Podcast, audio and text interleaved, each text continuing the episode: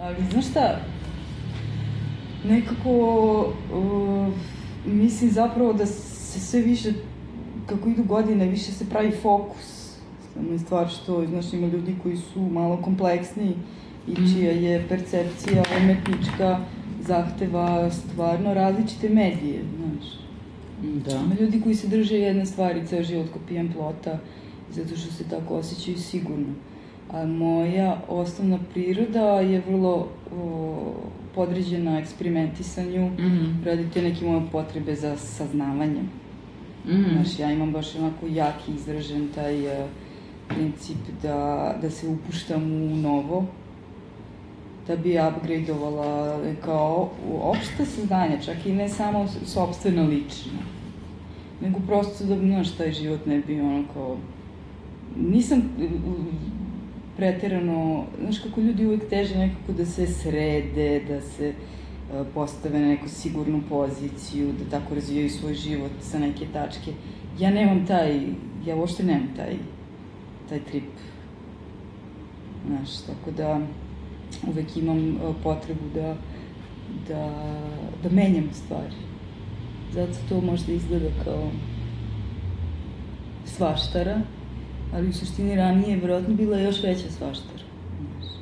Sad tačno znam uh, u čemu sam dobra, a tačno znam koje stvari prosto nisu primarne ovaj, koje još nisu razvijene u mojoj nekoj umetničkom izrazu i percepciji.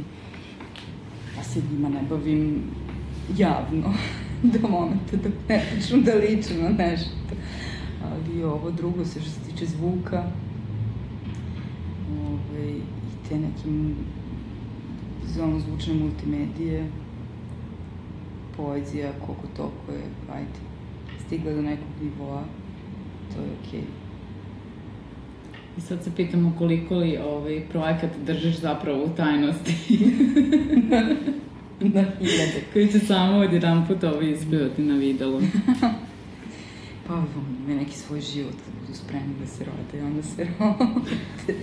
Znaš šta, um, ne znam, to, takva je sredina zaista poslednjih deset godina, da čovjek kaže kad se bavim o, intenzivno kulturom u nekom širem okviru.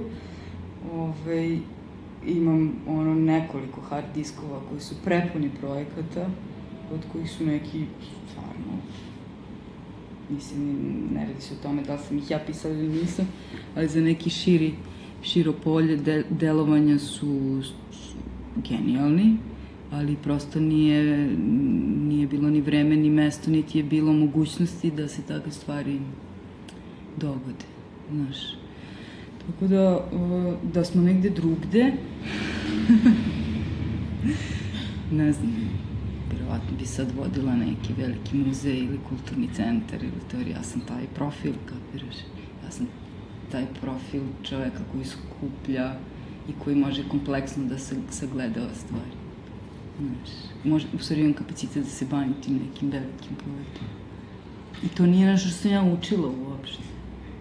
To je verovatno malo proizašlo iz uh, klasične muzike koja je dosta kompleksna i u kojoj moraš ono da, da hendluješ sa puno segmenata u isto vreme. I onda ti se prosto razvije taj, taj osjećaj. Tako da možda je to to. Renesansna žena Manja Ristić. Ja mislim da je ovo bio zapravo jedan lep uvod Misliš? u 76. femkanje. Um, naša gošća je Manja Ristić, violinistkinja. violinistkinja, multimedijalna umetnica, kulturna radnica, volim da kažem, ali sad smo malo pričali o tome. E, stoji iza um, asocijacije multimedijalnih umetnika Auropolis, e, e, takođe um, je urednica Art Sync radija, s- Supernova, Poetry portala i mnogih drugih stvari e, o čemu ćemo pričati u ovom Femkanju. Mi se nalazimo u Beogradu. Manja Ristić zapravo živi na, na relaciji Korčula, Beograd trenutno poslednjih godina, pa eto, pred sam odlazak praktično na Korčulu smo je uhvatili. Manja, dobrodošla. Bolje vas našla. Dobrodošla u Femkanje, kako si? Odlično, hvala. Jako je dobra ova kafa. I volim da dođem kod vas ovde uvek. Ovde u studiju KCCK je uvek nekako ovaj, domaćinska atmosfera, ali isto tako yes. ovaj, dosta bučno biti. Neka, to je taj zvučna simulakra grada, to, to puni neokorteks, što bi se reklo, električnim impulsima. Tako da, men, ja volim da slušam ovaj saobraćaj i za mene je to muzika. Jeste. ovaj, da ne bismo uh, zaboravili da pomenemo tvoje formalno obrazovanje, ja bih najpre ovaj krenula od toga. Formalno obrazovanje je jako bitna stvar. Pa jeste, Manja Ristić od šeste godine ovaj, svira violinu, završila je Fakultet muzičkih umetnosti u Beogradu, a zatim e, master studije na e, Kraljevskom koleđu muzike u Londonu 2004. godine, je li tako? Jeste, jeste. Nakon čega uh, se vraćaš uh, u Beograd. U rodni grad. U rodni grad. Ne znam kako se to desilo. Mislim, to nije bila, ovaj, uh, nije bila ideja vratiti se u rodni grad, ali uh, zato što iz prostog razloga taj boravak u Londonu je bio kao boravak na drugoj planeti i tu se desila neka neka vrsta finalne integracije i o, svih mojih, što se kaže, i, psihičkih i umetničkih veština. O, I stvarno je taj boravak u Londonu u, za mene označavao o, dostizanje kako ti kažem, nivoa veštine prevashodno sviranja violine na nekom najvišem mogućem stepenu. Ja nisam očekivala da će se to tako brzo u životu desiti, iako, iako tome ovaj, zdušno težila i mislim, ja sam, uvijek sam bila jako vredna i stvarno sam vežbala ceo život taj instrument onako vrlo ambiciozno. Uh, a Muzička akademija u Beogradu nije baš bila pravo mesto za mene i za ljude kao što sam ja. Tako da je taj London zapravo uh, izbukao iz mene sve moje najkvalitete. I nije bilo logično da se sa te tačke vraćam u Beograd, tako da to nije, nije bio plan. Međutim, tako se život nekako desio, prvo što je bilo u to vreme još uvek prilično komplikovano za nas da dobijemo bilo koju vrstu radne dozvole i postojala je mogućnost to prosto da se prijaviš u home office, ostaviš im pasoš i jednu, dve, tri, četiri godine ne možeš da se mrdneš iz engleske. Mm A ja kako sam bila u, u ekspanziji svojih ludih ideja, ovaj, počela sam već da sviram sa raznim ljudima po Evropi i šta znam. I nekako mi nije bilo sad logično sad ja kao da moram da se zakucam na jednom mestu ovaj, i da se ne mrdam nigde, pa sam mislila, ajde, možda će se desiti nešto pametnije, naći ćemo neki drugi način, imamo tamo, počela sam da hojlam gde se vraćam, onda sam se zaljubila nekog nenormalnog tipa u Parizu, pa sam onda išla tamo stalno i onda drn, drn, drn, odjednom je prošlo već kao dve godine i ovaj, onda sam imala malu tragediju u porodici i onda sam zapravo posle toga ostala u Beogradu. I izgubila sam tu neku eksplicitnu potrebu ovaj, da odlazim iz Beograda. Ali, ovaj, pošto se vrlo od, ra, od malih nogu bavim tom violinom i uvek mi je dobro išlo. Znači, ja nisam bila od one dece koje su morala da vežbi 100 sati da bi mhm. nešto mm -hmm. Meni to stvarno lako mi je išlo i zato sam verovatno donekle i dogurala, jer ovaj, da sam morala još više da se trudim, verovatno bi odavno odustala. Tako da... Pa dobro, koliko si sati vežbala dnevno? Samo... Pa znaš šta, problem je u tome što su skab neki ljudi u mom okruženju, ti moji profesori, violine, ne znam, orkestra, šta znam, kad sam bila vrlo mlada, kad sam bila dete, skapirali da ima nešto u meni nenormalno, mislim, što, što se povezuje s tim instrumentom. I oni su u stvari, ja sam dobila svoje prvo usmerenje sa 12-13 godina.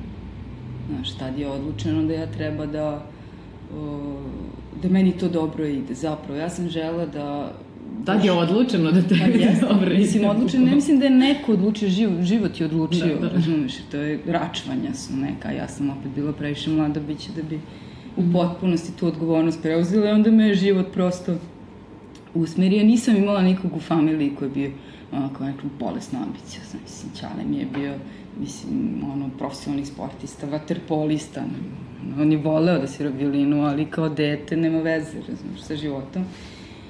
Keva mi je ovaj, bila profesor književnosti i isto je tako bila sportiskinja, plivačica. Znači, ono, niko nije bio imao neku, nisam iz muzičarske porodice mm -hmm. u tom smislu. Ali desilo se na prijemnom ispitu u srednju školu, srednju muzičku školu. Ja sam kod tineđer bila vrlo fascinirana arhitekturom, ali izražena. Jako sam volila da crtam kuće, urbanizam, gradove i to. I tripovala sam se da ja treba da se bavim arhitekturom. Bilo mi je to kao vrlo jasno. Međutim, na prijemnom u srednju muzičku školu ja sam ušla na prijemni ispit, a pre toga sam bila na nekom takmičenju, škol, nije školskom, da, ali republičkom, šta znam, to sam osvojila neku nagradu. Ja sam ušla na taj prijemni ispit i dogovorila sam se sa korepetitorkom, jednom starijom gospođom koja je bila vrlo fina, da ću ja da stanem na pola i da ću da se pravim da ne znam da nastavim dalje, da bi oni mene oborili i da se taj pakleni plan mog odlaska u srednju muzičku školu okonča. Ove, I ona je pristala, jako me volela, rekla, mlađe, nema frke, međutim ja kako sam ušla na te prijemne ispit, rekla, a manja, ti si, ti ne moraš da polažeš prijemni ispit. A ja. Kao zato što si osvojila nagradu na takmičenje i onda sam ja ostala tako s tim gudelom i violinom, rekla sam, a nosite se bre svi, ajde, idem tu srednju muzičku. Ipak je odlučeno umesto tebe. u tom smislu je odlučeno, da. Ove, ovaj, tako da to, to je to rano, rano, nekako vrlo rano usmerenje gde, gde sam već tad, su bile 90. u Srbiji, onako je bilo jasno da ja imam velike kapacitete za taj instrument. I još u srednjoj školi sam se ja zapravo pripremala da što je se pre ukaže prilika, odem negde u inostranstvo i to. Što nije toliko neobičajno za klasičnu muziku. Mm. Međutim, kako se to nije desilo sa uh, odlaskom na studije, iako sam ja već bila spremna, ja sam sa 15 godina prvi put išla u Englesku, ovaj, na Royal Academy of Music, neki summer school, pa sa 16 godina u Beč, pa, pa u Milano, znaš, rano su počele te eksport ture i seminari i šta znam. I nekako nije bilo mogućnosti da, da se negde upiše škola tako rano mm. na polju. Ove, ovaj, ja sam sa 17 godina upisala muzičku akademiju i to je nastao totalni sunovrat. Znači, ta, ta, generalno imam vrlo loše mišljenje o tom fakultetu i iz ličnih razloga me nervira jako što, zato što bi to trebalo da bude jedan od vodećih fakulteta u svakoj kulturnoj državi. Ali ovaj, nekako ne znam, meni nije legao i nisam nikad kasnije nastavljala da razvijem neki poseban odnos. Ali ti se znači ovaj prekinula srednju školu? Ne, ja polagala sam, uh, morala sam da položim vanredno sve što nisam, da, da, da. I ta srednja muzička škola generalno je vrlo, što kažem, anti-intelektualna škola, jer ti se totalno usmeriš na instrument, već 13-14 godina, i na muzičke predmete koji su kompleksni, što nisu jednostavni. Tako da ovi ostali predmeti su stvarno idem i dođem i tu negde prestaje neka, neko opšte obrazovanje. Mm. Ja mislim da je to uh, edukativno totalno bez veze sistem mm -hmm. koji nema veze sa muzikom jer ovaj, da bi ti bio uh, muzičar suštinski muzičar je stanje stvarnosti, razumiješ, i, i, i vrlo je neophodno da imaš i razvijan intelekt i da imaš jedno široko obrazovanje o svetu oko sebe koji uključuje i društveno-socijalni kontekst, a ne samo, znaš, kako se čitaju note i istoriju muzike. Mm. Dobro, na masteru su se stvari malo promenile. Pa, dobro, master je, uh, master je još više usmeren u smislu instrumenta. Mm -hmm. U principu imaš mogućnosti da biraš neke druge ono, stvari, tipa psihologija muzike ili šta znam, ali nemaš, nemaš prostora za, za tim. E onda se zaista tim instrumentom baviš bukvalno na jednom metafizičkom nivou, mislim, toliko, još više. Sviraš i, i razvijaš tehniku, sposobnosti, šta znam. Tako da, nije ni master sad, bog zna kako, intelektualno uzdizanje, znaš. Mm. Inače, mislim, instrumentalci su vrlo vezani za taj svoj mali svet, instrumenti, znaš, to je suštinski jedna vrlo usamljenička situacija. Ti provodiš većinu života sam u sobi. Tako da, ovaj, a, ok, možda si još s drugim ljudima, ali da bi savladao svoj instrument, vrlo si usmeren na, na sebe. Mm -hmm. E pa to mi je sad zanimljivo. Uh, u jednom intervju za neki italijanski portal, čini mi se... Gde si uh, to iskopa? si rekla kako, eto, umesto da si nastavila uh, zavidnu solo karijeru svetsku, ti si se vratila u Beograd, pokrenula asocijacija Europolis, uh, zatim krenula sa serijom kolaboracija i serijom projekata da na kraju nisi ni mogla da se vratiš na tu trasu. Nisam, ovaj, da, da solo karijere? A dobro, da, to je to večito pitanje, znaš, kad staneš na raskrsnici, pa, ovaj, ali davno sam ja, davno sam, kako da kažem, prestala da razmišljam o tome, e, trebalo je, ili moglo je, ili, znaš, u jednom momentu, shvatiš kako stvari funkcioniš u kosmosu, onda prestaneš da se nešto kaješ ili, znaš, možda sam trebala da skrenuti levo, skrenula sam desno, znaš, gubljenje vremena. Ali, o, ja mislim da ja sada imam vrlo zavidnu solo karijeru, ako smo već kod toga, a sad kao tu smo gde da, to je bilo 2011, da. sad, to si rekla 2011, da. sada 2016. Znaš šta, da sam nastavila da se bavim violinizmom klasičnim na taj način, vjerojatno bilo neki potpuni straight lik, bože me sačuvaj, mislim, ne znam. Vrlo je moguće da bi vodila neki veliki orkestar ili ili bi to bila neki svirac, ono, putujući koji ide od mesta do mesta i svira sto puta odsvira na iste kompozicije. Mislim, to je, to je vrlo teška karijera. Mm.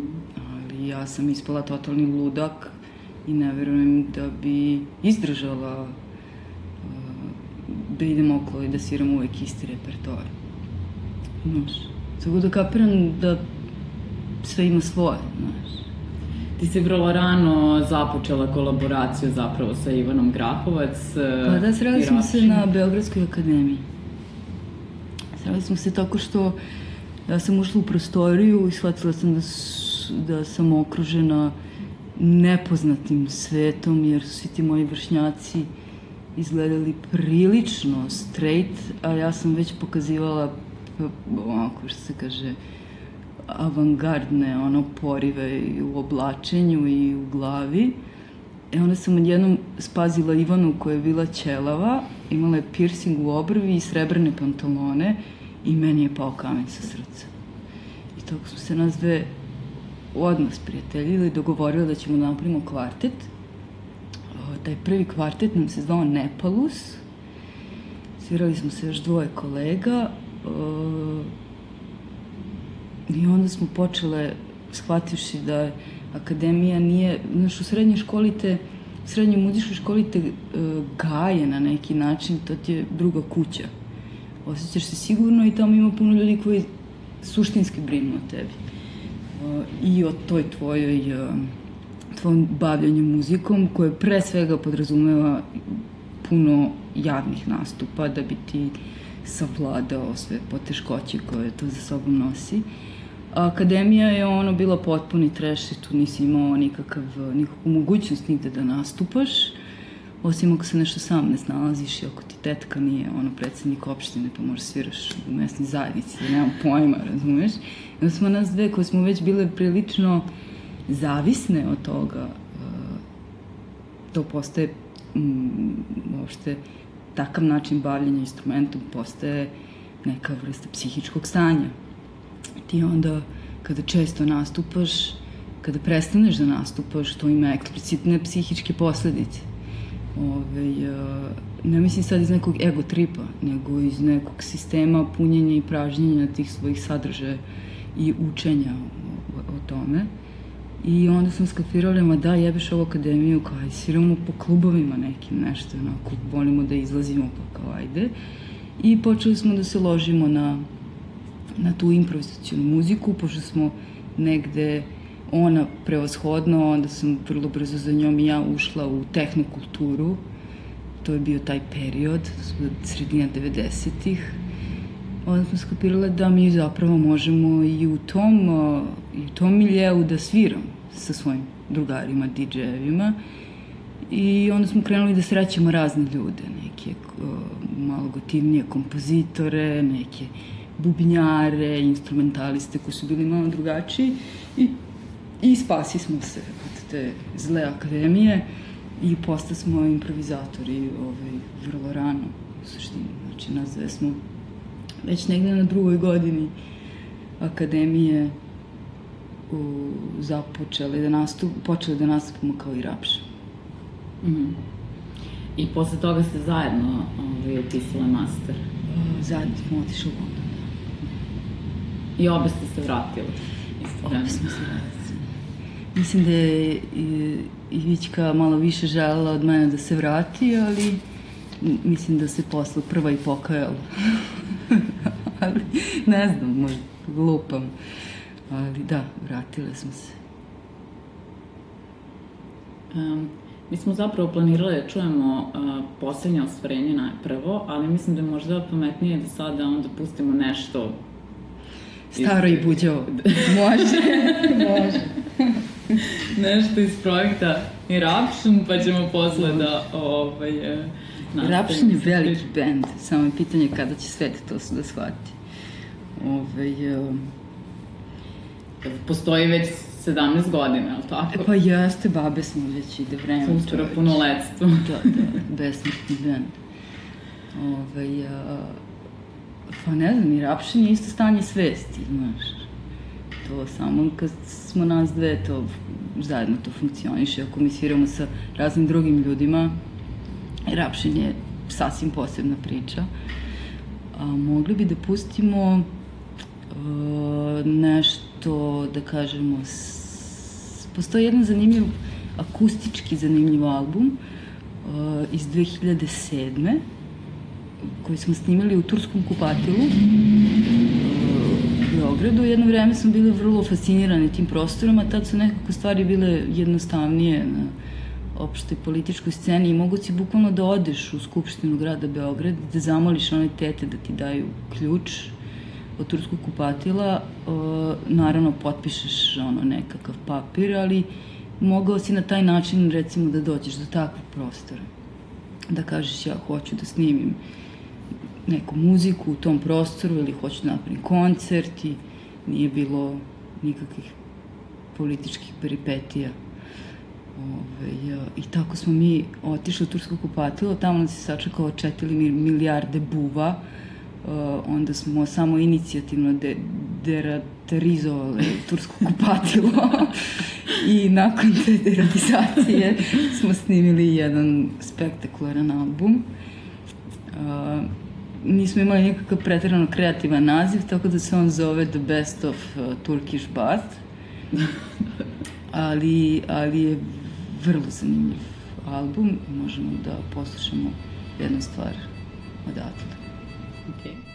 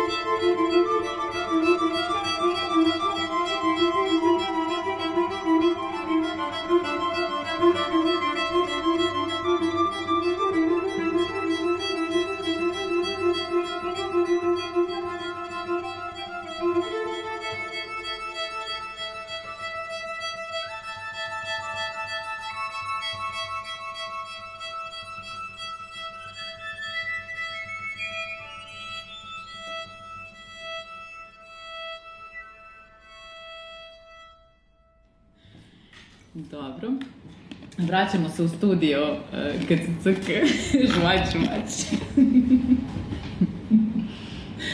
Ove, je... Zvučna intervencija. Zvučna. Da, dobri su, ovi su ovaj, dosta dobri, ovaj, štapići, dosta se dobro čuju. to je moja klasa, bro. Um, primetila sam, a i ti si sama rekla kako si se, uh, kako poslednje dve godine živiš na relaciji Korčula-Beograd, onda se tih pola godine kada si u Beogradu strašno aktiviraš da izbaciš što više uh, zvučnih radova i digitalnih izdanja. znaš šta, to je postparodijsko nervno stanje, znaš, jer u suštini, mislim, ne znam, možda sam ja stvarno ovaj, specifičan slučaj, ali kada si dve, tri godine fokusiran to na dete i na ne možeš, ne možeš da se baviš realno ničim, mislim, osim ako nemaš vojsku nekih ljudi koji obslužuju taj tvoj mali život. Ja sam bila vrlo usmerena na, na luku i bavila se sa njim i trte mrte. I onda mi se nakupilo, što kaže, do, do grla mi je došlo, više nisam mogla da izdržim. I onda valjda kad sam krenula da izbacujem ovaj, a, ono, shvatila sam da imam i toliko materijala koji treba srediti i da ovo, ima toliko ljudi s kojima želim da sviram. Tako da je to u stvari to nervno stanje, ja ga nazivam nervno stanje. Ovaj, Čekaj, koje su to dve Štance. godine? Znači, koliko sada Luka ima godina? Luka ima tri godine četiri? i pet meseci. Aha. Mhm.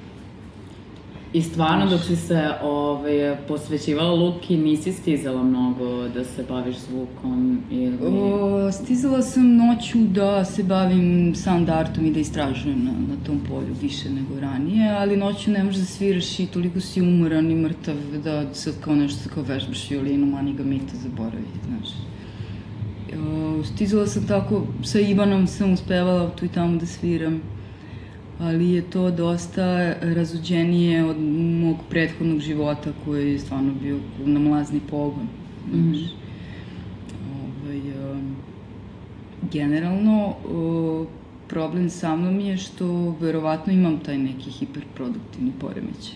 Mislim da, da je prosto to tako, znaš, da, da, da će to tako da bude do kraja mog života i da ako to, ako budem imala sreće da doživim nekakvu starost, 1050 i nekako da, da, mislim, sigurno ću i dalje strogati po nekoj banderi, on s 90 godina, to sto poha, obećavam ti.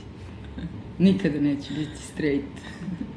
Dobro, pretpostavljam da ovaj, sa, sa porođajem i uzgajanjem deteta negde nisi imala više toliko vremena pa si morala negde i da odrediš neke svoje prioritete u nekom trenutku. Pa, Morala znaš šta, si nekako da se povučeš iz ne- nekih projekata. Ne znam, postoje neke žene koje ovaj,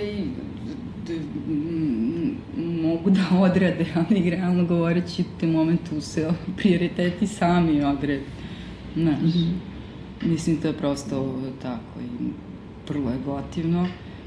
No, ovaj, da, to je kao da udariš u zid za nekog, kao što sam ja, kao što smo mi, ko se tako bavi hiljadama mlati modelnih stvari, to je zaista kao da si udario u zid.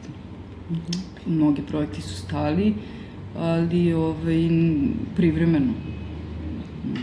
Zapravo su stali samo oni projekti koji nisu imali kapacitet da se razvijaju bez mene, jer projekat ako je grupni, ako je tu, mislim, ako se događa neka, neka kolektivna energija, onda nije neophodno da jedna osoba bude ta od koje sve zavisi. Mm. Što nije kvalitetan projekat u tom smislu.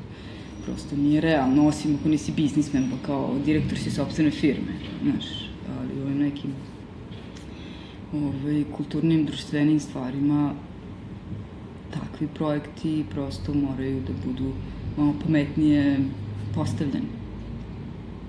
Tako da neki su prosto iscureli, neki su se završili, ovaj, neki su trajali još neko vreme. U suštini, kad rodiš dete i kad, kad se kloniraš na taj način, ovaj, do, do, dobiješ, velik, dobiješ kvalitetniji fokus. Šta je to što ja radim i šta je to što ja zapravo želim da radim? Zato što čitava ta um, koncepcija uh, trudnoće, pa rađanja, samog porođaja, to su vrlo na neki način, mislim sve to deo života, naravno, sve to vrlo prirodno, to su na neki način ekstremne situacije. Znači, to su neka suočavanja koje nisu svakodnevnice. I onda ti prosto ti se kroz takva iskustva kristalizuju neke stvari, shvatiš uh, mnogo uh, dublje značenje života. I nekako ga drugačije ga prosto kasnije onda i trošiš, znaš. Ne znam, nisam nikad probala. Dobro. Nije loš recept. Nije loš. Mislim, ja nisam neka osoba za koju je ovaj, bilo očigledno da će sad kao, znaš, kao da, da rađam decu. Čak što više, događalo mi se posle da šetam bebu parkom i nađem na neku ekipu koja me nije videla 3-4 godine i kao, Manja, čije je to dete? Znaš, kao, gde si otela tu bebu i zašto, za, zašto je s tobom? Kao, znaš. Dobro.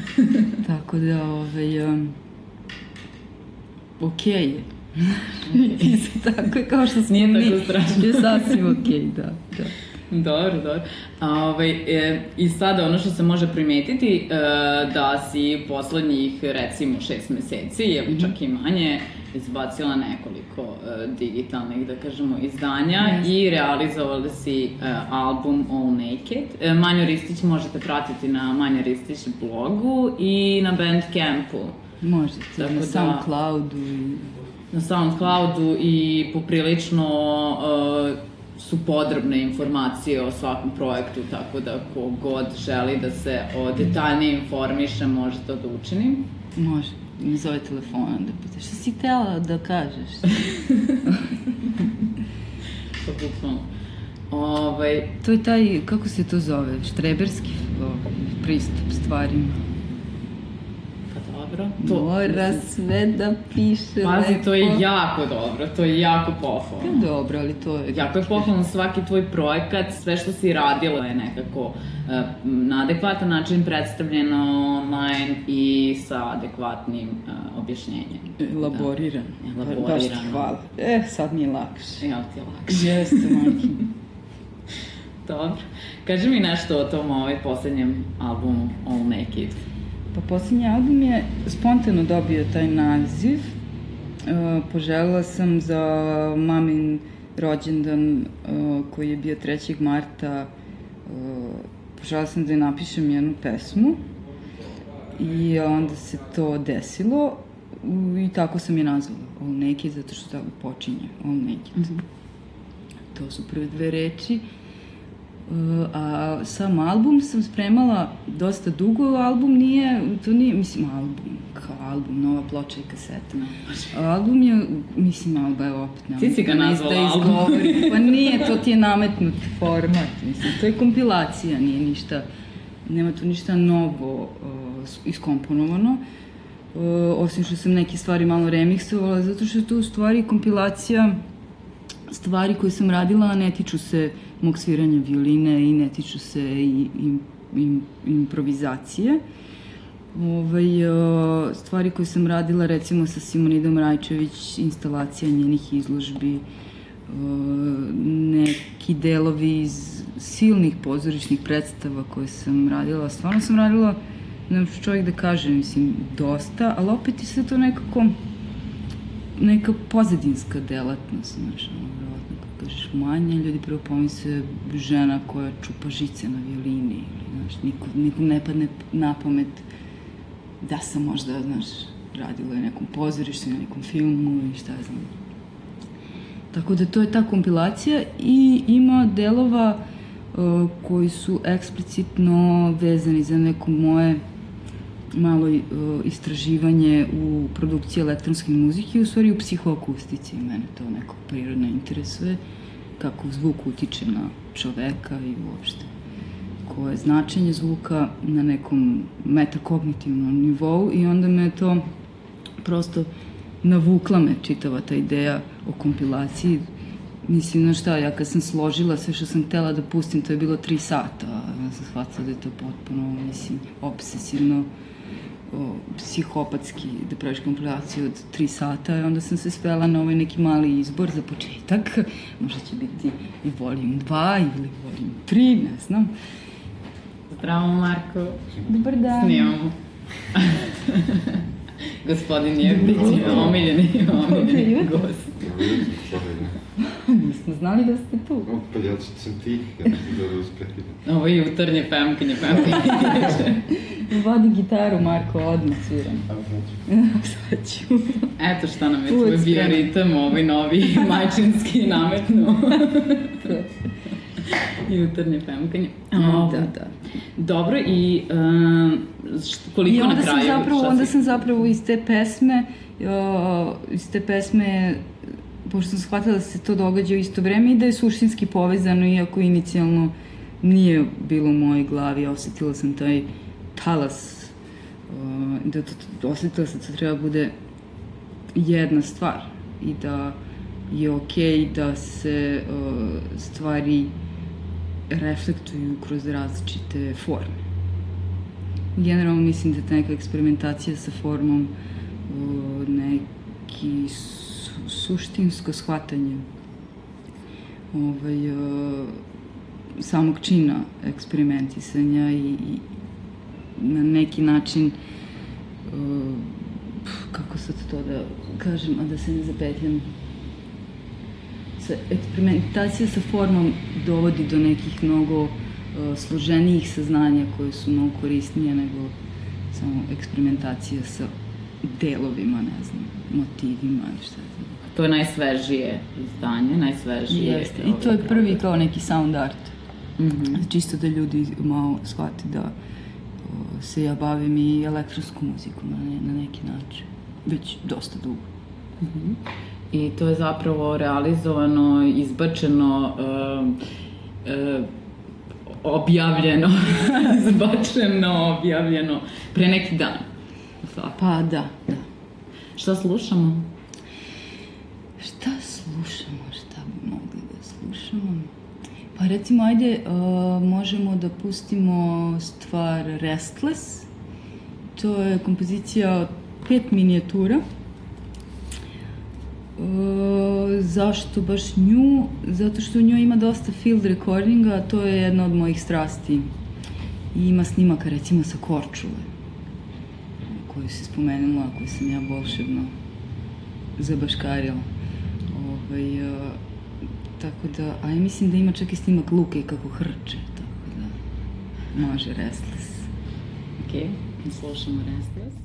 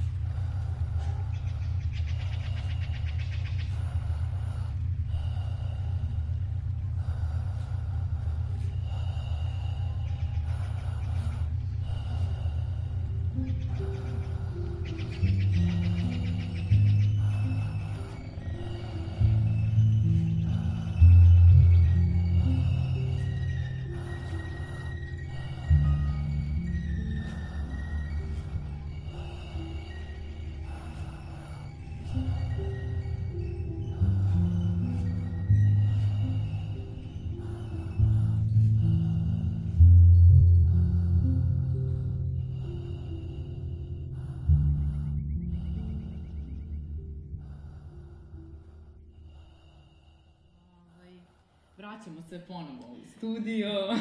Povratak u budućnost. Ove, e sad, naravno, ne, ne, ne možemo da zaobiđemo jedan od, da kažemo, novih projekata Violin Revealed. Jeste, od početka 2015. tako da to još uvek je novije. Iako je zapravo, da kažeš, kruna dugogodišnjeg postojanja. Mm -hmm. Jeste novo. No, mislim, s druge strane, znaš, ti kao uh, instrumentalista, muzičar, ovakvih stvari kojima se ja bavim, uh, to su dosta jednostavne stvari, performativne su, znaš, tako da ništa ne može da traje predugo, jer tebi pre svega postaje dosadno, samim tim i svima ostalima, ali ovaj projekat je dosta komplikovan, konceptualan i multimedijalan, tako da on, on, on će sigurno trajati uh, Pa ja se nadam da baš neće do kraja mog života, ali, ali da, du, neko duže vreme. Mm -hmm. Jer uh, morat će da se razvija, morat će da ima neki svoj život mimo mene, mm -hmm. tako da vidjet ćemo. Suštinski se radi o tome da sam u jednom momentu sela, um, pomislila, ok, šta je to, št, kakav je to projekat koji bi ja sad uh, napravila da je 100% autorski. Mm -hmm. Nakon svih tih, htela sam da kažem, nakon svih tih silnih kolaboracija. Pa, jest, pa da, da. I projekata. A muzika je takva, znaš, mislim, muzika je takva da, kao što sam ranije spomenula, su, suviše je to da ti sediš sam s instrumentom, se život u sobi, prosto muzika traži da se povezuješ s drugim ljudima. Ovaj, e, onda sam iste pomisli o apsolutno autorskom projektu počela da razmišljam uh, o sobstvenom improvizacionom stilu, jer sam skapirala da je ipak Malkice drugačije od svih drugih improvizatora, gudača za koje znam, osim Ivaninog koje je totalno srodan i njen utica je negde najeksplicitniji na mene i nadam se i moj na nju, to je da. negde i očigledno smo nas dve ipak zajednički razvijale čitav taj senzibilitet. Ove, ovaj, ali ona je definitivno u jednom momentu prednjačila sa, sa idejama i bila mnogo uh, hrabrija.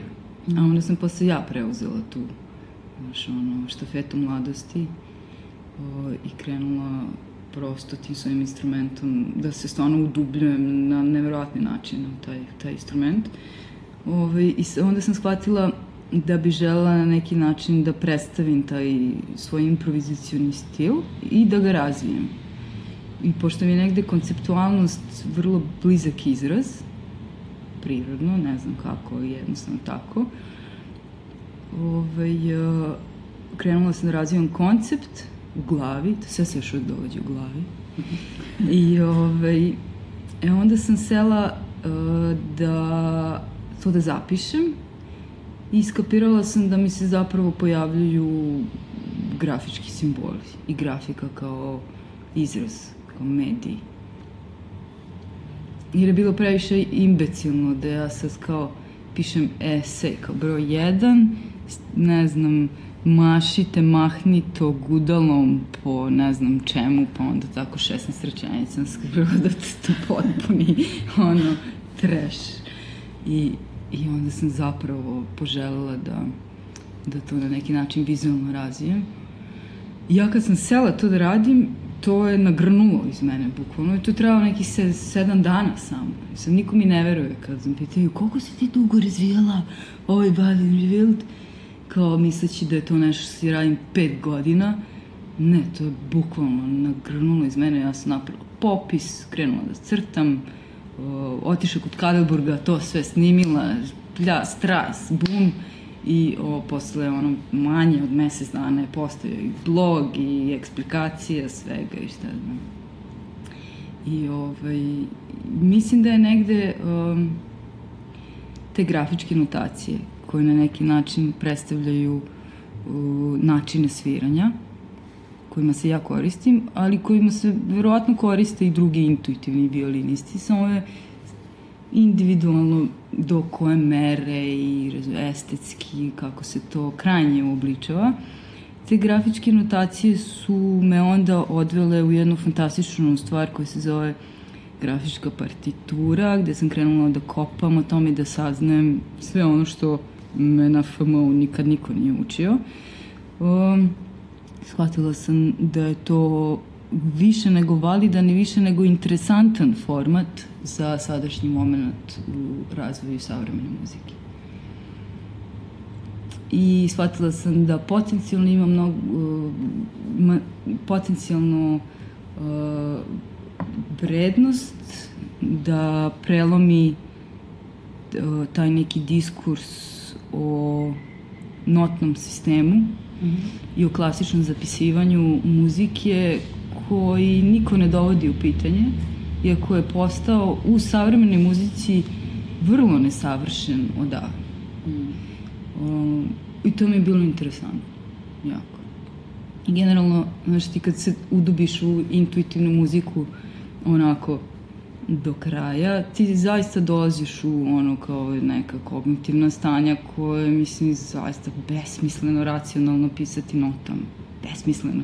Zato što su kompleksna i zato što zahtevaju i neke druge sadržaje osim racionalnog uh, zapisa. Ti kad uzmeš recimo savremenu kompoziciju nekog mega savremenog autora, to recimo da napiše juče, uh, ti bukvalno sediš 15 minuta i gledaš u ono i misliš se, bože me, sačuješ što je ovo teško, šta mu ovo znači, pa ga zoveš telefonom, pa tražiš po netu, pa se nerviraš, pa nešto vežbaš, pa kao jo, pa kako ću sad ovo iskok, pa koja je ova intonacija, pa gde, gde idu sad ove note, pa kako je ono, razumeš? Da, Mislim, to je toliko neadekvatno postalo da je ovaj, na kraju ishod te muzike suštinski vrlo jednostavan. Znači, to je jedno bespotrebno racionalizovanje o kome sam ja poželjela da razmišljam na drugi način. I okej, okay, znaš, neki ljudi vole prosto, ima neke ekstravagance u tome da ti sad napišeš užasno tešku partituru. Ok, onda imaš neki užasno ekstravagantne muzičare koji se lože koma kao ja obožavam bol, sad ću ja da sedim sat vremena i da čitam ove note.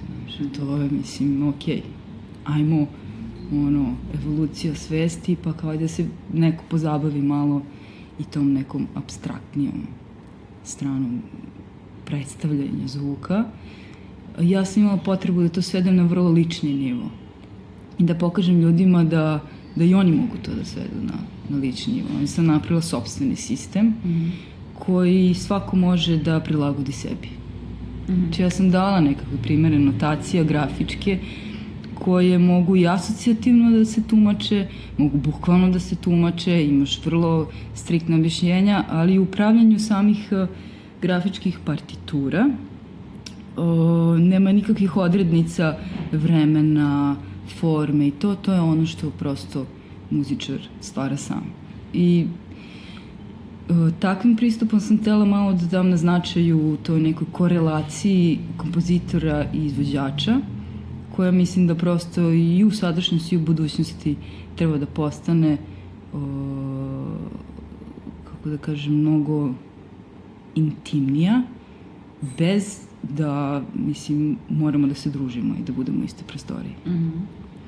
Znači, bitno mi je da, da se stavi ipak akcenat na taj neki, uh, pa ajde da ga nazovem kognitivan nivo i taj neki transfer energije i abstraktnih nekih stvari koje su realno u muzici ovaj, a događaju se između izvođača i kompozitora i ne mislim da je neophodno da tebi kompozitor tačno kaže ovo mora da traje 36 sekundi, ovaj mhm. zvuk, onda ćeš preći na sledeći, zato što o, se prosto tad gubi se, stvara se apropriacija, prosto stvara se, to je okej. Okay ali to je onda reproduktivna umetnost koja mm. mene sve manje negde zanima. Mislim, ok, bo ja sam profesionalni muzičar, pa kao volim ja da sviram, šta god mi čovjek da, da sviram, ali uh, više me zanima ta kreacionistička umetnost u muzici. Da mhm. ti u tom momentu kreiraš i energiju i stvari i prenosiš i praviš te transfere i to i povezuješ se tim kompozitorom koji ti je dao smernicu, ali ti nije dao formulu. Ti si taj koji moraš da to da stvoriš. I ti bi sada e, davala svojim tim grafičkim notacijama, davala bi smernicu drugim da. muzičarima, ali bi oni pritom morali ipak da naštrebaju šta šta znači, zar ne? Uh, pa samo ako ih zanima. Uh mhm. -huh. Ako ih ne zanima, oni mogu da tumače tu da grafičku... Tumače, uh, mogu da tumače da kako god, zato što prosto nisam žela da se ogradim na jedan instrument, Znači, ako si violinista, ja da sam neki sad violinista, pa nađe to, mene, mene bi jako zanimalo da, da naučim šta je šta od tih malih cvrtskica grafičkih, ali ovaj, vrlo su jednostavne, nije nekakav, vrlo su logične, nema sad nekog, znači, do toga dođeš, dođeš prirodno nekako, znači, nije sad baš kao da moraju da uče kao slova, ono, znaš, godinu dana. Ove, ovaj, ali sam htela da ostavim otvoren taj sistem da recimo i neko ko svira, ne znam, džembe, razumiješ kad uzme tu grafičku partituru ili notaciju, može da je otvori. A, to se sve može videti, te grafičke notacije se zapravo mogu videti na online. Aha. Na, uh, Violin Revealed blogspot.com, da. Pa, mislim da ću u neko dogledno vreme napraviti novi sajt, ali o tom potom. I e, spremam, zapravo već sam napisala publikaciju koja se vrlo eksplicitno bavi o, improvizacijnom muzikom, bavi se malo i nekom povezanošću sa o, možda bolje da ne pričam ništa o tome. Zašto? da bude iznenađenje. Ove, ovaj, publikacija onako ima dosta teorije i ima improvizacija, o nekoj korelacije intuicije, improvizacije, o nekom širem društvenom kontekstu u kojem se nalazi improvizacija, o, o fizičkim svojstvima zvuka, malo se bavi ipak i, i metafizikom zvuka, ipak malo, bar. Bavi se tako nekim tim uh, energijskim transferima, značajem nekim, da kažem, gde se nalazi muzika u, u, u poziciji na neko kolektivno nesvesno, odakle mi vadimo sve te sadržaje i tako, malo je luda ta publikacija do pola, a od pola onda ide Violin Revealed System. Mm -hmm i publikacija zapravo trebala da se uh, prezentuje u galeriji 12 Hag. Jeste, to je bila ideja, da. Ove, Šta ćeš sad? Pa ne znam, došli divlje i otirali pitome. Ove, sada ćemo naći neki drugi prostor, ali sam uh, usporila sam. To je trebala da bude velika multimedijalna izložba. Uh, prosto neki opšti prikaz tog sistema ta publikacija, imala sam razne videoradove, animacije, napravila sam jednu u, serijsku kompoziciju koja se zove Book of Lies, koja je napravljena od grafičkih partitura, drnde mrnde. Spremala sam jednu multi, uh, multikanalnu, višekanalnu instalaciju su ljudi, koji bi ljudi mogli da sviraju.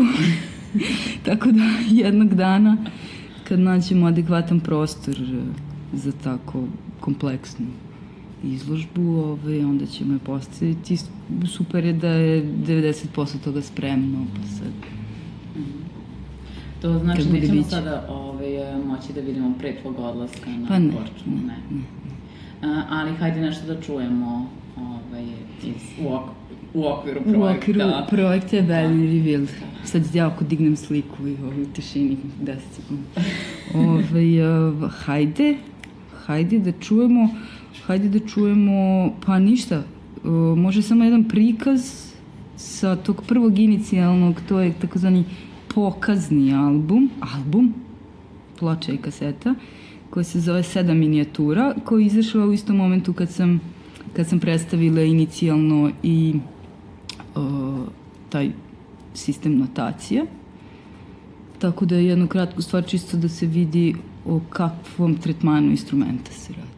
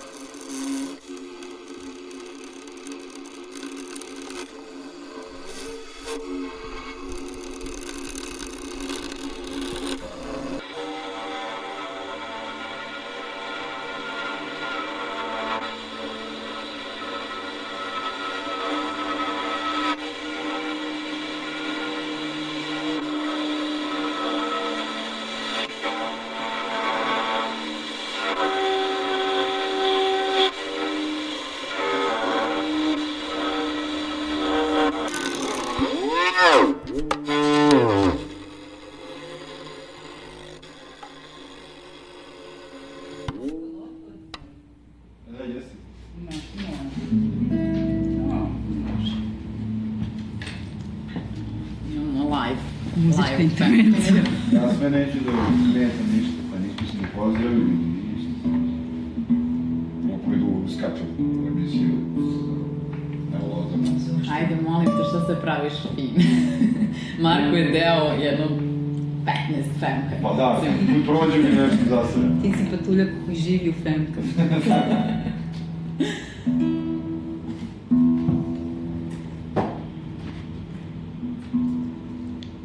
žice da mu pokidaš.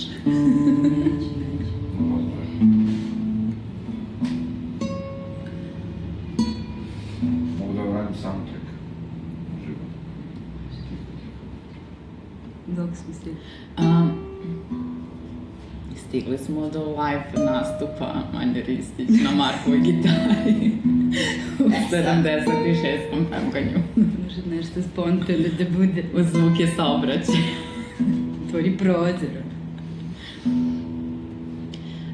Dobro, vezano za projekat, e, opet se negde vraćamo na Violin Reveal, imamo osjećaj da nismo još završili priču o tome. Ti si takođe nastavila sa kolaboracijom u okviru tog projekta. Da, da. A da li si ti sad prvu prezentaciju projekta imala na Resonate festivalu? Jeste, to je bila prva um, javna prezentacija i to zapravo bila prezentacija prve ruke projekta koje godinu dana kasnije što je sad malo već malo se već kako da kažem konceptualno se, se utemeljila mm -hmm. i, i razvila pre svega vizualno. Jer inicijalno taj zvučni deo nije nikakav, meni nije bio nikakav problem, jel? vizualni deo mi je bio veći problem zato što ja nisam vizualni umetnik, niti imam nekog pretranog eh, samopouzdanja da, mm, da se predstavljam kao vizualni umetnik. E onda mi je trebalo vremena da da taj deo prosto složim u glavi, da se malo više oko toga edukujem. Tako. Ove, tako da to prvo predstavljanje na Resonate'u je više bilo performativno predstavljanje mm -hmm. i onako mm, održala sam jednako malo predavanje, to predstavila sam sistem narativno, uh, onda sam imala mali, što se kaže, biopolitics performance od 15 minuta i onda smo Ivana i ja zapravo pokazale taj neki improvizacioni stil koji je realno naš improvizacioni stil koji se provlači kroz Irapšan, koji je nastao u Irapšanu. Znači, Irapšan je, kako da kažem, početak i kraj svega toga zapravo. Samo što sam ja u Violin Revealed to usmerila na, na violinizam. Iako primenjamo na bilo koji drugi instrument, uključujući drugi gudački instrument. Mm -hmm. Tako da bilo je super na tom rezonatu. Bilo je vrlo zanimljivo. Ljudi su lepo reagovali i niko nije spavao. Oh. Vikali su bravo, još i tako. Ali nije loše nijako zaspi, zar ne? Pa nije nijako, ako neka tiha muzika, onda je okej. Um, u, u moru tvojih kolaboracija uh, primećujem da poslednjih dve godine sarađuješ i sa Marinom Čukljev. Jeste, pa nije čak dve godine. Nije, nije 2014. rekla si. Jeste, tada smo se prvi put srela i upoznali. Ali kao duo smo mm. počele, uh, kad sam se ja vratila prošle godine iz Korčule, to je neki oktobar, mm -hmm. smo počeli ranije da komuniciramo, naravno, ali baš da smo sele, da se snimamo i da sviramo. To je negde oktobar, praktično koliko, šest meseci možda, sad već. Ovaj, ali prvi put smo se upoznali na improvu. Svirali smo zajedno na improvu 2014. S nama su svirali Čubrilović i, i o, ko je još svirao? Svirala je Ivana, svirao je Džamal mm -hmm. i Marina i ja. Super je bio taj improv i tad smo se sreli. Iskapirala negde da je bilo super da, da sviramo zajedno. Kako sam ja otišla na Korčulu, svake sezone provela tamo pet meseci, tako nije bilo prilike sve sad da jesam.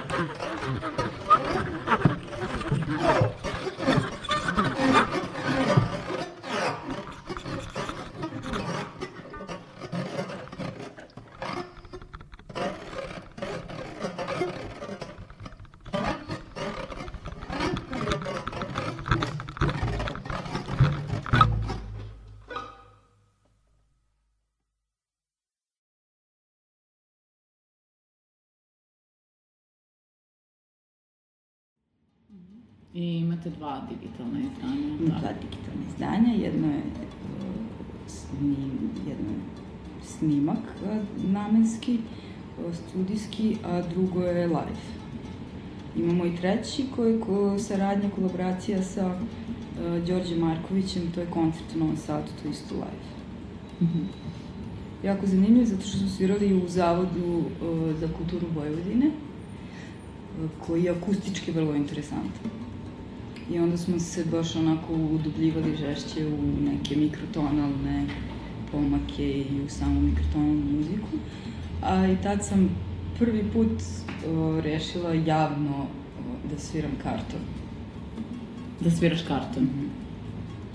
Nisi čula za najnoviji hit Sviram u kutije?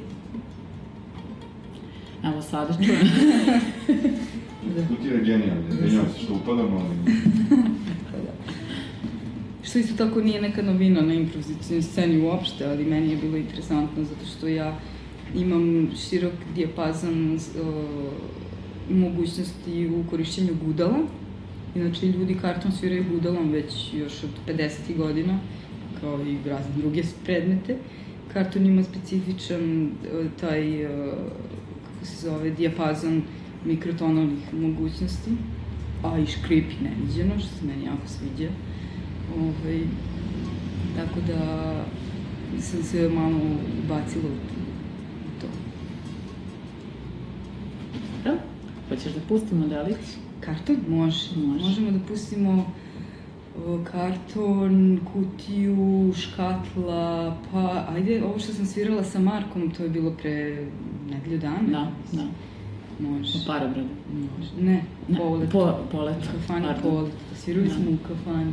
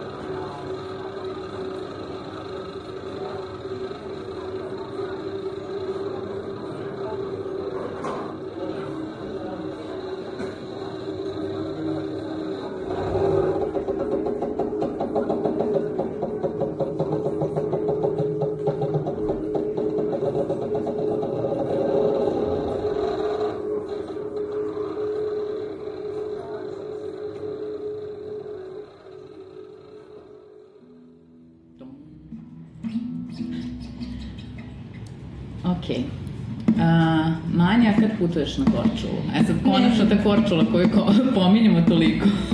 toliko A to je sad nešto svima jako interesantno, kao je o Manja otišla na Korčulu, Manja ceo život ide na Korčulu, ali sad sam kao otišao pet meseci, kao pa šatra nema. U stvari mislim da se uh, pojavio taj opšto hipsterski hajp uh, povodom tog odlaska na Korčulu, zato što je to sad jako nešto misteriozno, ona je otišla na neko ostrvo, tamo pravi neko ludilo, znaš, pa kao, nama zvuči. Znači, Okočula je jedno malo simpatično ostrovce u Dalmaciji, ove, ovaj, gde sam ja odrasla, gde imam puno familije i prijatelja i o, za neke ljude koji me znaju dugo godina nije Korčula nikakva novina, ali mislim da je to se postala ovaj, zanimljiva stvar zbog te radnje zapravo. Da. E pa da, upravo. Design hub da. koji je okupio puno ljudi i onda je to sad zanimljivo u stvari. Nikom nije bilo zanimljivo što ide na koču ceo život. I što sam tamo radila razne projekte, instalacije, mislim ovakve i onakve. Ali sada kada si se bacila u svet mode... Da, fashion, fashion, zdravlje, lepota. Dobro, znači ovo sve što ste do sada čuli o Manji nije sve, je li tako? Nego ovaj Manja takođe ima i svoju dizajnersku platformu uh, Electric Ladyland. Pa da mi je neko pričao pre tri godine, ne bih mu verovala. Ovaj, zanimljivo je. Kako je zanimljivo. Ja to volim da radim zato što sam o, i kroz taj kroz to neko udruženice već dugo godina puno kurirala projekata I onda mi je ovo nekako bilo prirodno. I ja zapravo taj design hub posmatram kao jedan kustoski, kustoski projekat. Mm -hmm. I zato je možda malkice drugačiji od, od drugih mm -hmm. sličnih stvari. A koncept jeste da okupljaš uh, pa koncept je da okupljam dizajnere iz Srbije i iz Hrvatske. Znači to je ne, nekakav nije to nikakav, bog zna kakav koncept, ali kad shvatiš da ljudi ono 20 godina nisu videli ništa dizajnirano iz Beograda, onda skapiraš da to ima neku drugu vrstu težine. I, ove, ovaj, i to je lepo, znaš, vreme je spano da se sve što je pokidano poveže, jer je u protivnom besmisleno egzistirati tako tim podvojenim javnim sferama koje nisu ni na koji način više u istoj vremenskoj zoni, a zapravo su vrlo slične. Tako da sam ja stvarno dovela gomilu beogradskih dizajnera u Dalmaciju i ima nekih uh, dizajnera koji u Hrvatskoj postoje samo u našoj radnji. Mm -hmm.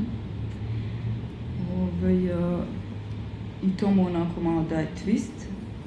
A s druge strane sam povođena ipak nekim inovativnijim tretmanom i materijala i, i održivim dizajnom i dizajnom kao ultimativnim izrazom, a ne samo kao upotrebnom vrednošću, došli do nekih vrlo zanimljivih hrvatskih e, dizajnera i mogu ti reći da je sad to jedan vrlo sretan spoj. Mm -hmm. Imamo opet i neke umetnike koje su u tom hubu našli način da naprave nešto što je proizvod. Mm -hmm. da, vrlo je to šarenoliko Jedino je problem što je ta radnjica zaista mala. I onda je, ima previše stvari na malom mestu, ali ljudima se sviđa. Mm -hmm. Ti se zapravo aktivno uključena u kulturno-umetnički život Korčule. Od. Pokušavaš tamo takođe da, da se angažuješ. Pop me jurio bar šest puta da me spali na lomači. Stvarno? Ovaj, uh, pa jesam, jesam onda. Pa dobro, ljudi me znaju od malih nogu, pa mislim, još imala sam ja silne koncerte tamo, od mega koncerta u katedrali do to gerilskih akcija. Znaš, tako, znaju ljudi da sam ja svirac i znaju koliko toliko čime se bavim. A, ovaj, imam tamo super, tamo postoji jedna fenomenalna inicijativa, galerija koja se zove Siva zona, koju je osnovao Darko Fritz, intermedijski hrvatski umetnik. O, pre par godina mu se u, u organizaciji te cele galerije priključila Sonja Leboš, koja je ovako istaknuti teoretičar, kulturolog, urbanista i izvođač, performer iz Zagreba. Ona vodi udrugu za interkulturalne i interdisciplinarne istraživanja i s njom sarađujem već 10 godina.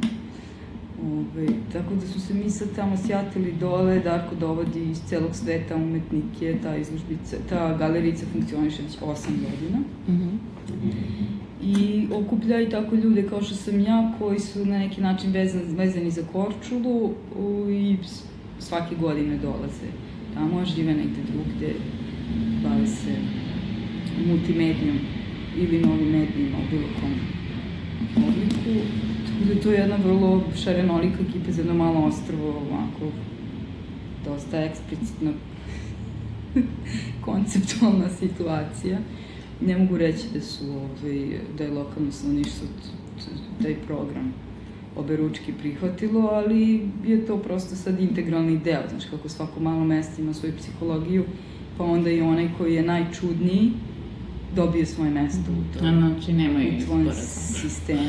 Pa mislim, znaš što kao što da nas baca u more, mi se ne bi bunili. Tako da to ide, ide nekim svojim tokom. Ovi turisti isto jako vole. Su razni programi, stvarno razni.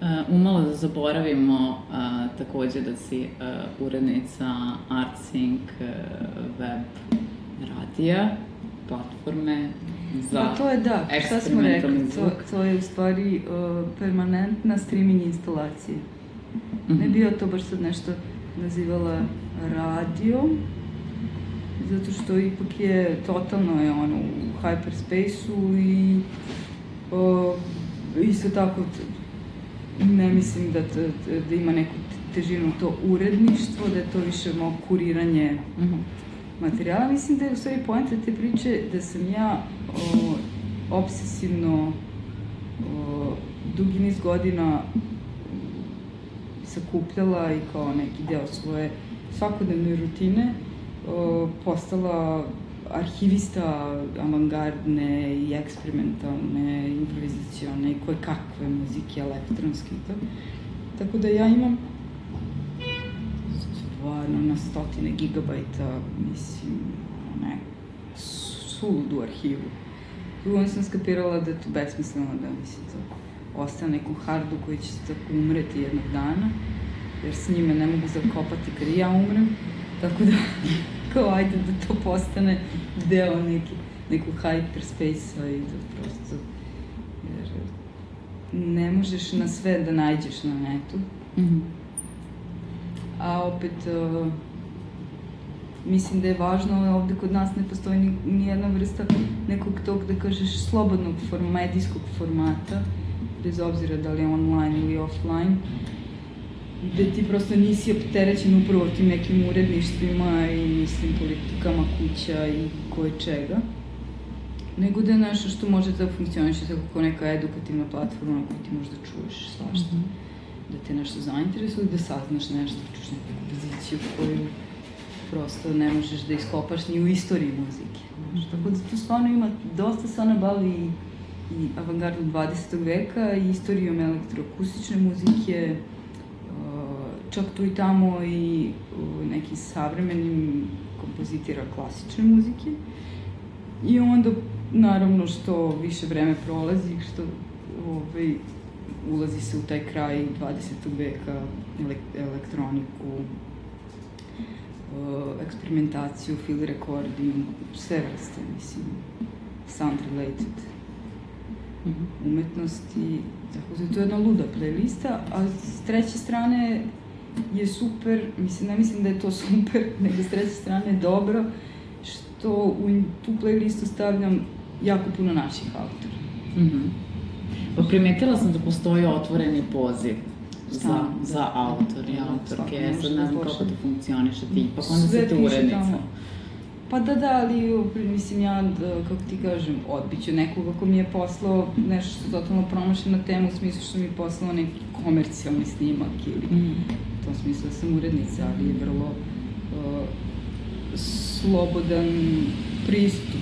Znači sve što potpada pod eksperimentalni zvuk i sound related arts, nema komercijalnu uh, sferu, može da postane deo te, te da je to super što onda ljudi negde mogu da čuju bilo gde da su u svetu i naše, našu scenu. Moram priznati da naša scena naj, najlenija u slanju svojih materijala, da u suštini sve što postoji ja zapravo sama o, kopam, cimam ljude, skidam s neta i možda se čak više bavim arhivama tih ljudi nego što se oni bave da, da, da. sobstveni. Ovde svi čekaju da ih pozovu. Pa dobro, znaš, nije, kad ih zoveš ne reaguju. A, dobro. znaš, nije to to, to je neka druga psihologija. Ali je super što, znaš, što to je globalno dostupno i onako nekad kad pogledam stats, ono vidim da je u Australiji neko slušao, znaš, tako, svaki nekoliko dana pogledaš, znaš, šta se tu događa Možda da ipak vidiš da okay, ono, ako može da dopre do nekog uha negde drugde, to je sasvim u redu. Ono što ćemo ovaj, slušati za kraj e, bit će vezano za platformu Supernova Poetry, tako da bih voljela da mi nešto kažeš malo ukratko i, i o toj platformi, kako bismo uveli slušalci i slušati. Pa to je jedan stari projekat koji sam 2010. lansirala zajedno sa Anom Seferović, čuvenom beogradskom hipsterkom. Takođe bivšom Pesnikinjom, moja draga prijateljica Eh, pozdrav iz Ćoška za Anu, ovaj, ko se sad u Londonu, hvala Bogu. Ovaj, uh, Ana je isto osoba koja što se same poezije tiče imala vrlo eksplicitan uticaj na mene. Uh, I nazad smo se nekako vrlo sprijateljile od samog početka, kad smo se upoznale, nekako nam je to prijateljstvo to prijateljstvo je dovelo prirodno do takvog jednog projekta. O, imali smo jednu poznatu bugarsku pesnikinju koja živi u Berlinu već 20 godina kao zvaničnu urednicu, Cvetu Safranijevu. O, I mi smo vrlo ambiciozno u taj projekat uletele. Projekat se bavi pre svega kulturom sećanja, evropskog sećanja, ali smo naravno dozvolili da koncept primi upliv o, globalnu Tako da imamo autore iz celog sveta. Neka osnovna postavka je kultura sećanja, podvojenost gradova, traume gradova, bilo je tu interesantnih stvari kao neki utice geopolitike na kulturni razvoj. Vrlo je kompleksan taj projekat zapravo, jer je postavljen kao studije. I mi smo se tom studijom fino pozabavile. Sonja Leboš se njima pozabavila, koja je kulturolog. Ana i ja smo se bavile publikacijom mnogo smo stranih autora za tu knjigu prevele na srpski jezik, zaista. Ove, ovaj, knjiga je na 43 jezika. I onda sam se ja malo eksplicitnije od svih njih bavila uh, tom nekom medijskom uh, umetničkom implementacijom čitavog koncepta, tako da je desilo se dosta različitih performansa što audiovizualnih, što samo zvučnih, čak smo radili neke instalacije, gospodin Jeftić je bio učesnik mnogih supernova platforma, yes. uključujući uh, performans u Majdanpeku na festivalu uh, Sound and Vision, gde je do, došao ceo grad, svirali smo jednom napuštenom bazenu, bilo bilo onako upečatljiv jedan performans. Tako da smo mi izvodili te pesnike kasnije i na engleskom i na, na, na, na srpskom i na nekim jezicima koje smo umeli da pročitamo, jer kao koreanski, japanski, indonežanski, to nam nije baš išlo. Svirali smo sa Mamtom Sagar. I svirali smo sa Mamtom Sagar, čuvenom indijskom pesnikinjom koja je došla da nas posjeti jedno leto. Ona je čitala na Kanada jeziku indijskom On je inače veliki borac za ženska prava u Indiji, uh, profesor na univerzitetu u Bangaloru i ovako prilično poznata. Ta knjiga je jako interesantna zato što okuplja uh,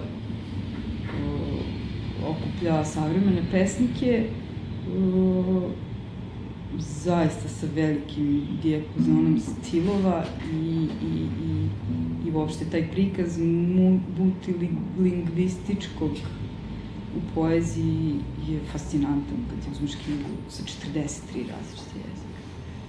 Kad vidiš kako stvari zapravo funkcioniš na nivou jezika, a zatim i na nivou uh, govora, odnosno na nivou zvuka tog jezika. Znaš.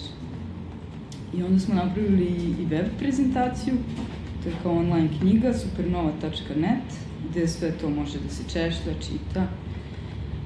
A, publikacija može da se kupi u mikseru još uvek. Mm -hmm. Lepo je ona. Izgleda kao coffee table, ovako jedna debela, debela coffee table knjiga. Ivana Bašić nam je radila cover. Ona je isto jedan onako super, super truper Europolisa, stari. Tako da to je jedan super projekat. Super novo. Super novo, naravno. Ove, ovaj, pre nego što uh, čujemo poslednji muzički izbor, uh, poslednje pitanje je kako vidiš svoju budućnost?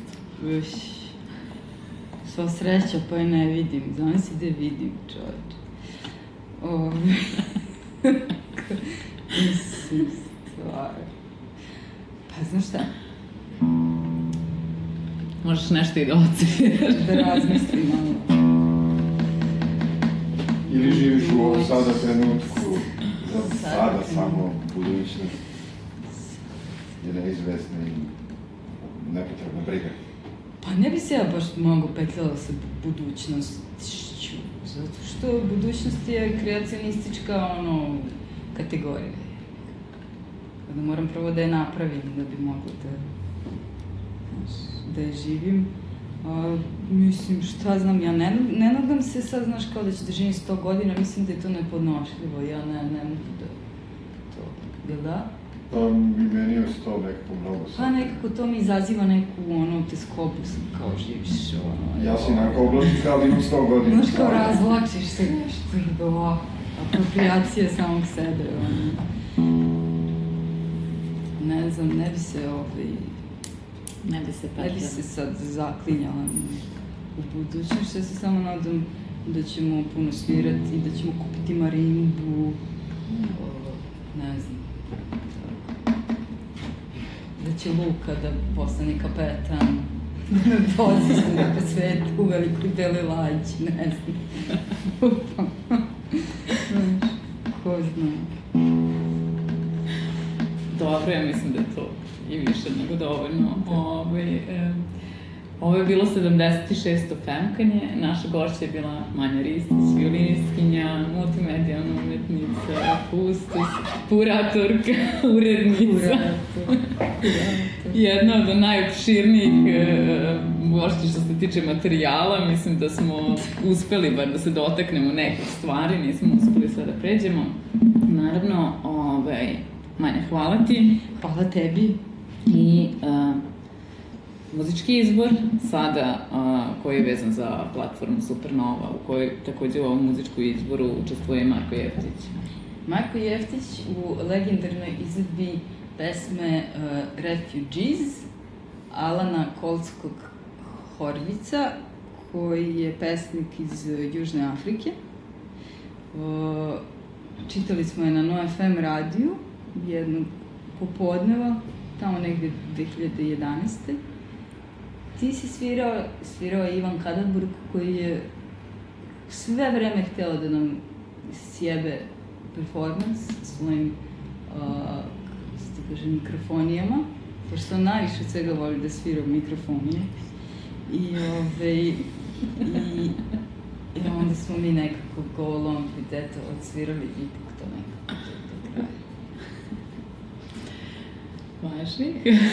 Slušamo muzički izbor. Uh, I pozdravljamo Hvala naše na pažnji. slušalce i Doviđenja. slušateljke. Doviđenja. ćao, ćao.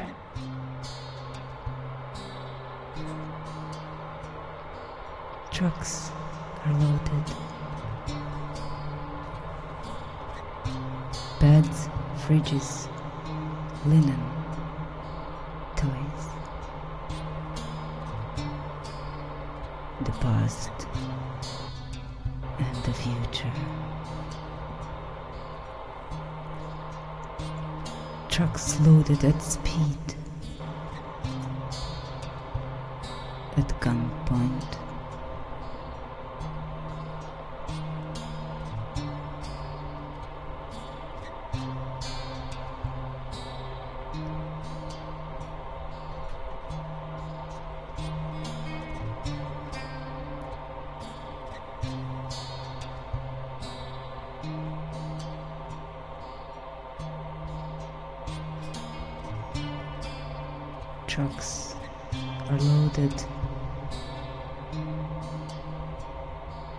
Children, dogs, birds, mice.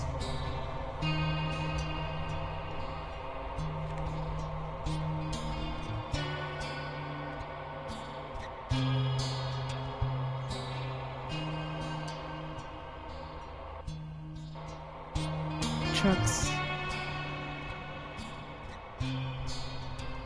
Trucks are loaded. Paintings, silverware, books, dice. The past and the future.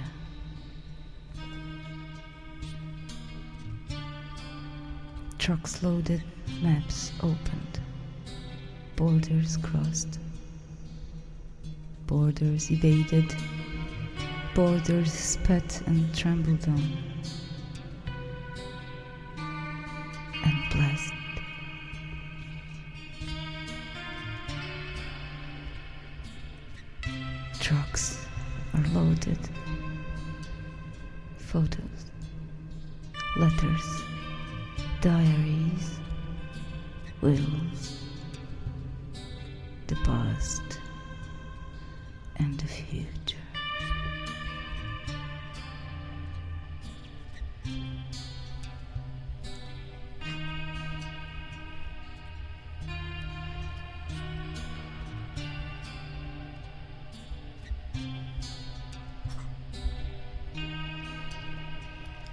Loaded trucks became a convoy of stalled generations tripping in minefields,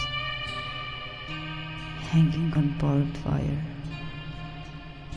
Trucks loaded with propaganda stole the immigration of children, made them cry.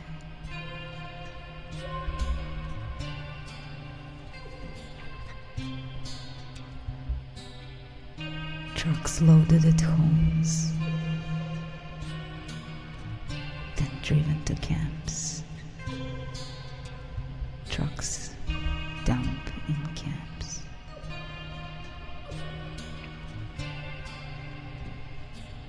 Camps to take the place of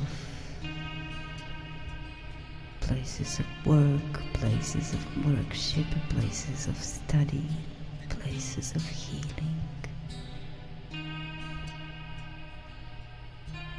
Camps to hold people in check, in reserve, in suspension. Built with charity, built from charity.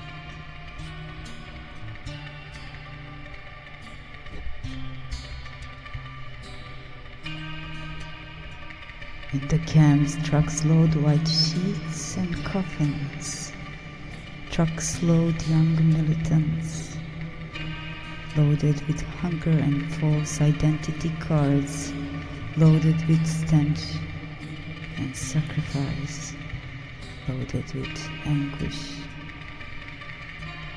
Trucks start their engines. Trucks race back to the borders, cross over, and explode.